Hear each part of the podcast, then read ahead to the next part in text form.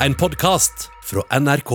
Politiet ber nå om tips i saken der de har siktet en kunstner for bedrageri av kundene sine. I helgen fortalte NRK om kunstneren Werner Jensen, som viser seg å ikke eksistere. Mannen bak, Jon Hedemark, mener han bare har brukt et pseudonym, og at han ikke har gjort noe ulovlig. Nå har politiet opprettet et eget tipsmottak for å komme i kontakt med flere kunder som har kjøpt Werner Jensen-kunst kan det være mørketall, altså folk som ikke er klare over at de faktisk er blitt lurt.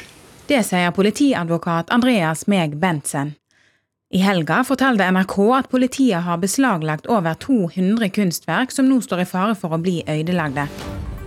Dette er kunstverk som har blitt solgt for opptil 50 000 kroner. Jeg kan avkrefte at Werner Jensen eksisterer. Politiet mener nemlig at kunstneren som har målt bilder, har lurt kundene sine ved å skjule seg bak det falske navnet Werner Jensen.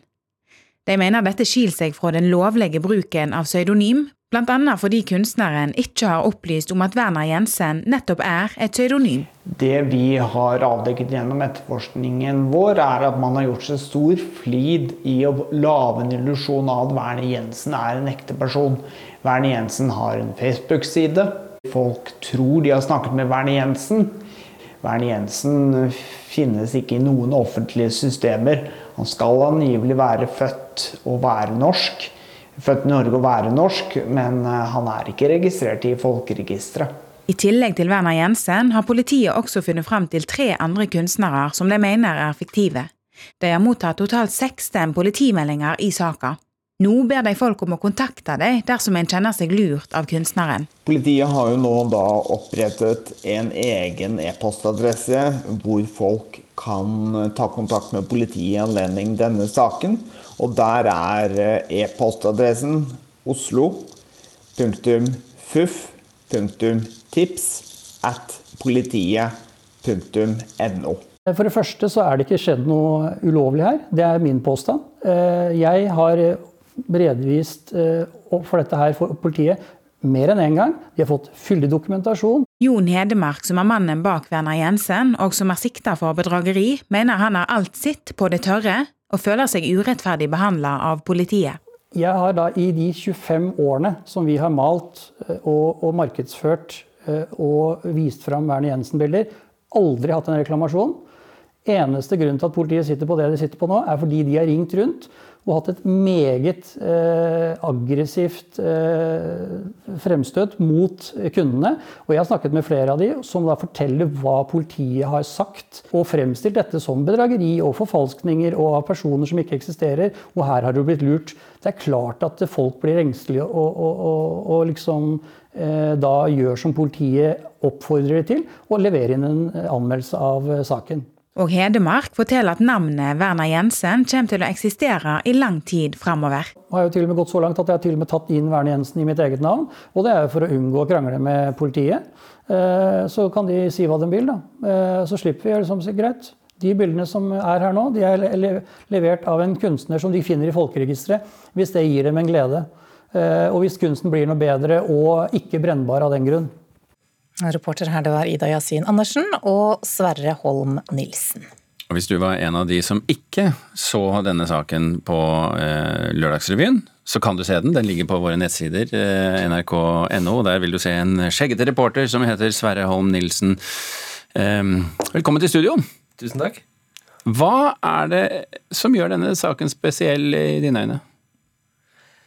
Det, det som gjør Det som gjorde at vi klikka på den med en gang, er jo det at politiet sier så tidlig at de her bildene, de her kunstverkene, kan vi ende opp med å destruere. Så de vil vi destruere hvis vi får han her dømt for bedrageri.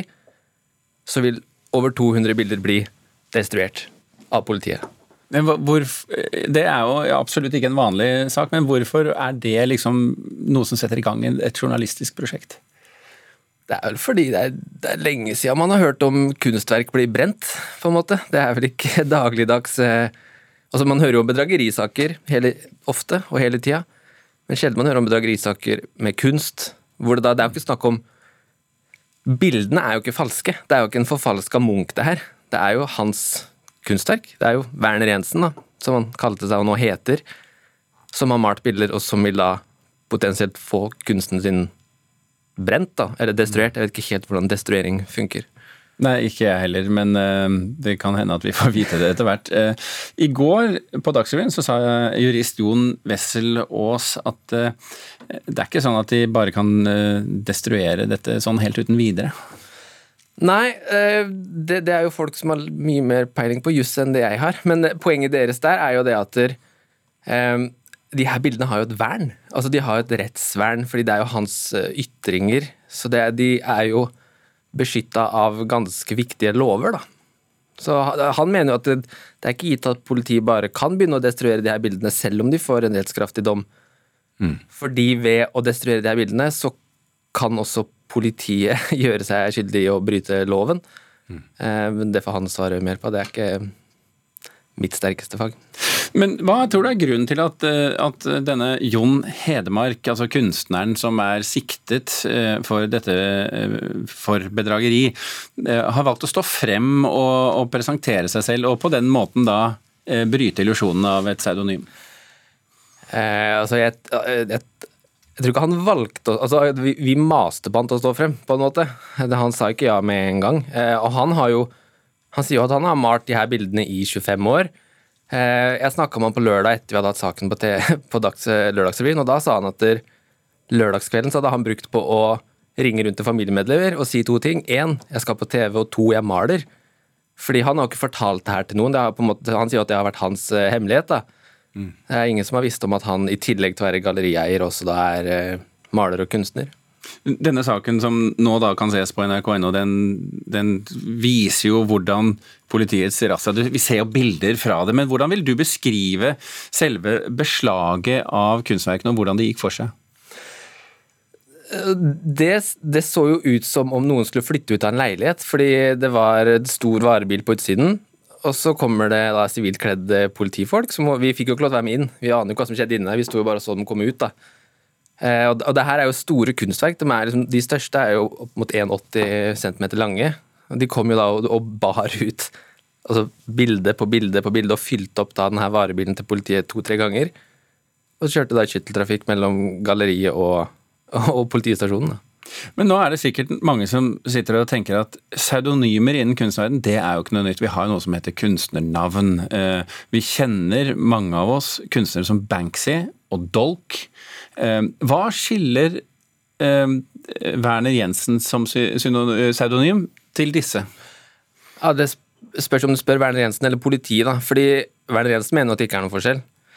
Mens det politiet mener, er jo at det, i tillegg til Altså Hvis du kjøper et Banksy eller hvis du kjøper en dolk, så vet du at det er et pseudonym, men det vet du ikke med Werner Jensen. Eh, og så mener jo da politiet at Hedmark da, har konstruert da hele en bakhistorie. Altså han, har, han, har, han har en CV eh, hvor det står blant annet at Werner Jensen bor i Tyskland. Han er en sånn eksentrisk kar som bor der nede, så han får du ikke tak i. Eh, han har malt de siste liksom, 40 åra så det er på en måte det politiet også henger seg opp i, da, i tillegg til at altså den, I tillegg til at CV-en er konstruert, så har de, han også bygd en sånn stor bakgrunnshistorie, en troverdig da, bakgrunnshistorie som de mener Hedmark har brukt eh, som markedsføring da, for å kunne selge de her bildene. Okay, Hvis han bare kunne sagt at hadde, vært, hadde han sagt det var et pseudonym, så hadde det vært greit. Ja. Sverre Holm Nilsen, vi får se hvordan dette her går med denne saken etter hvert. Takk for at du var med og forklarte.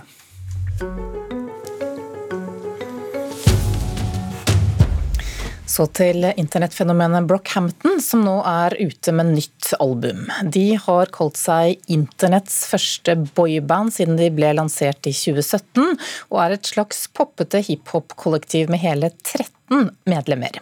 Espen Borge, musikkanmelder i NRK, du må forklare hva slags band er dette her? Ja, det er jo, Brockhampton eh, de kaller seg jo som du sa, internetts første boyband. Men eh, det er jo ikke et boyband i tradisjonell forstand. Det vil si, altså det er det er jo boys i bandet. Det er bare boys i bandet, men det er ikke fire glette hvite gutter med kassegitar og innøvde danser, liksom. Det er et uh, litt annerledes boyband hvor eh, både ulike hudfarger og seksuelle identiteter er representert. Så, sånn sett så tror jeg det har vært et viktig, viktig identitetsmarkør for ganske mange marginaliserte ungdommer da, over hele verden. Ok, Vi må høre litt da. dette er fra åpningslåten på albumet 'Buscut' med gjesteartist Danny Brown.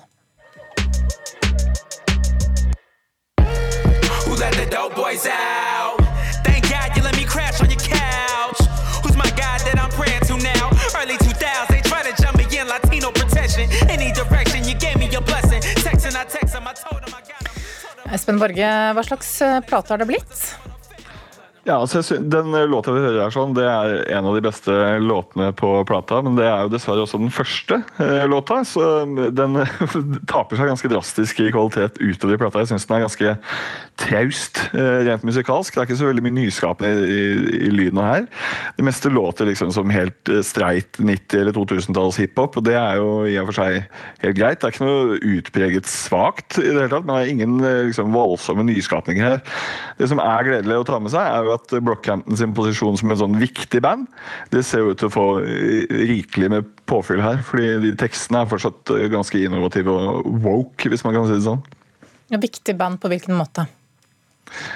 Ja, så jeg mener at Mange av disse tekstene her de tar for seg temaer som ikke er så veldig vanlige i hiphop. For så snakker de mye om psykisk sykdom, fattigdom og seksuell identitet. Da. Frontmannen eh, Kevin Abstract han vokste opp som homofil svart rapper og har jo garantert møtt ganske mye motstand i det ganske konservative Amerika. Da. Og Det gjør han jo til en ganske interessant kunstner for millioner av eh, ungdom som kanskje føler at de står litt på siden av samfunnet. Så Sånn sett så er det jo i mine øyne ganske viktig at et band som Brockhampton lager musikk, selv om denne plata ikke akkurat ja, den, den sparker inn litt åpne dører er musikalsk, men tekstene er i hvert fall eh, viktige og innovative fortsatt. Hvordan, hvordan er dette albumet sammenlignet med tidligere album? da? Nei, Jeg syns det er eh, skremmende likt. Jeg syns det er lite musikalsk utvikling. Men eh, det jo Det skal sies også at jeg, jeg, er jo ikke helt i målgruppa for, for dette. Jeg syns det er jo det er helt eh, ok tradisjonell poppete hiphop. akkurat som det alltid har vært. Og så er det litt lite sånn de, Av og til så har de vært litt sånn innom sånn myk singer-songwriter-pop også, men det er det ikke i like stor grad her. Så det må jo være den eneste forskjellen jeg legger merke til. i hvert fall. Ok, Skal vi prøve oss på et terningkast? Ja, da syns jeg det blir en firer. Terningkast fire fra Espen Borge, vår eh, musikkanmelder, og hele anmeldelsen den kan du lese på nrk.no skråstrek anmeldelser. Du har hørt en podkast fra NRK. Hør flere podkaster og din favorittkanal i appen NRK Radio.